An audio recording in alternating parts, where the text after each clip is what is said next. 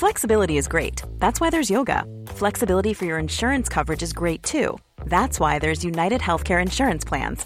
Underwritten by Golden Rule Insurance Company, United Healthcare Insurance Plans offer flexible, budget friendly coverage for medical, vision, dental, and more. One of these plans may be right for you if you're, say, between jobs, coming off your parents' plan, turning a side hustle into a full hustle, or even missed open enrollment. Want more flexibility? Find out more about United Healthcare Insurance Plans at uh1.com. Ryan Reynolds here from Mint Mobile. With the price of just about everything going up during inflation, we thought we'd bring our prices down. So to help us, we brought in a reverse auctioneer, which is apparently a thing. Mint Mobile unlimited premium wireless. Ready to get 30, 30, bit to get 30, bit to get 20, 20, 20, bit to get 20, 20, bit to get 15, 15, 15, 15 just 15 bucks a month. So, Give it a try at mintmobile.com slash switch. $45 upfront for three months plus taxes and fees. Promo rate for new customers for limited time. Unlimited more than 40 gigabytes per month. Slows. Full terms at mintmobile.com.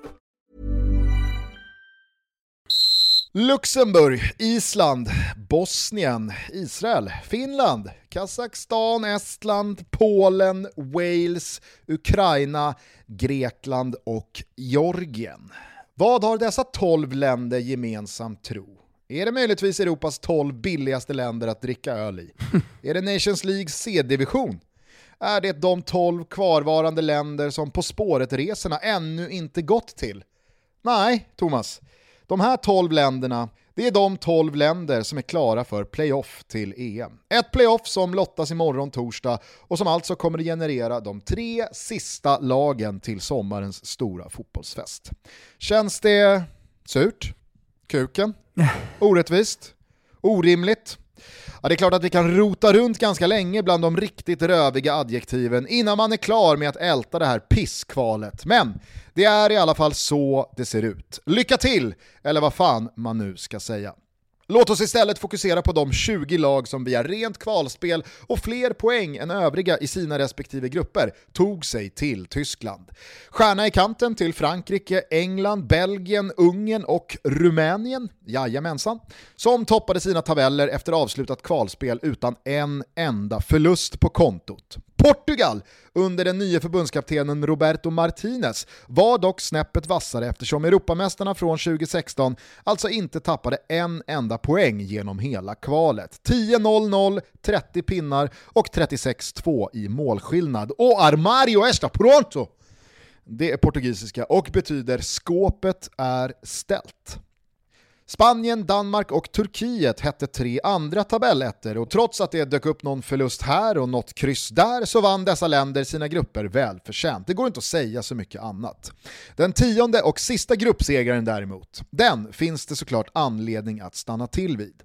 För att Albanien vinner sin grupp med en match till godo, att eh, då bara vaska genom 0-0 mot fucking Moldavien Äh, men det måste vara den kvalitativt sämsta EM-kvalgrupp som spelats. Visst, grattis! Jag må vara bitter, men jag har lite svårt att hacka i mig att Albanien kan kosta på sig att 0-0 mot Moldavien och Färöarna i en åtta matchers grupp och alltså vinna skiten innan sista omgången ens är spelad. Aslani, Jim City och Hysaj och gänget får ursäkta. Det känns inte rimligt att det ska få gå till på ett sånt sätt samtidigt som Gulo fucking Gulo står kvar på perrongen med sålt smör och tappade pengar. Äh fy fan. Men men, ja, ja. Bakom dessa tio gruppsegrare säkrade Kroatien igår avancemanget som tabelltvåa via 1-0 hemma mot Armenien. Ante Budimir och Sasunas målmaskin ni vet, han gjorde matchens enda mål och Luka Modric ger sig således en sista chans att efter både VM-brons och VM-silver avsluta en makalös karriär med ett EM-guld. Det kommer naturligtvis inte hända, men kul för Luka i alla fall att få drömma ett sista halvår. Vi gratulerar också Italien, Le Azzurri, de regerande mästarna, som via oglamorösa 0-0 i Leverkusen mot Ukraina med minsta möjliga marginal knep andra platsen bakom England. Vi var dock många som inte med någon annan slutsats än ren och skär korruption, corruptione, corruption, corruption förklarade varför Ukraina inte fick straff på tilläggstid. Misstänker dock att det inte riktigt var samma tongångar i italiensk press. Övriga tvåor? Frågetecken. Nej men grattis till skottarna som ytterst välförtjänt höll baggarna bakom sig. Holland? Bättre än greken, sämre än fransken. Tjeckien tog andra platsen i den där dynggruppen som Albanien vann, men förbundskapten Chilavi avgick alltså på visslan när avancemanget säkrats. Det säger väl någonting om vad även han kände kring kvaliteten i det här fotbollslandslaget. Österrike tog som vi alla vet Belgien i handen och klev vidare från grupp F. Serbien stämde i bäcken mot sin gamla bundsförvant Montenegro och säkrade sin EM-plats via 3-1 i Belgrad och 2 plus 1 från en viss Aleksandar Mitrovic. Slovenien och Slovakien tog 22 poäng vardera i sina respektive grupper, något som givetvis räckte till avancemang och slutligen säger vi även grattis till Schweiz, som trots fyra avslutande segerlösa matcher alltså fisåkte på cruise control till Europamästerskapen i Tyskland. Alltså, vilka gick liksom inte till EM? Vad fan är detta?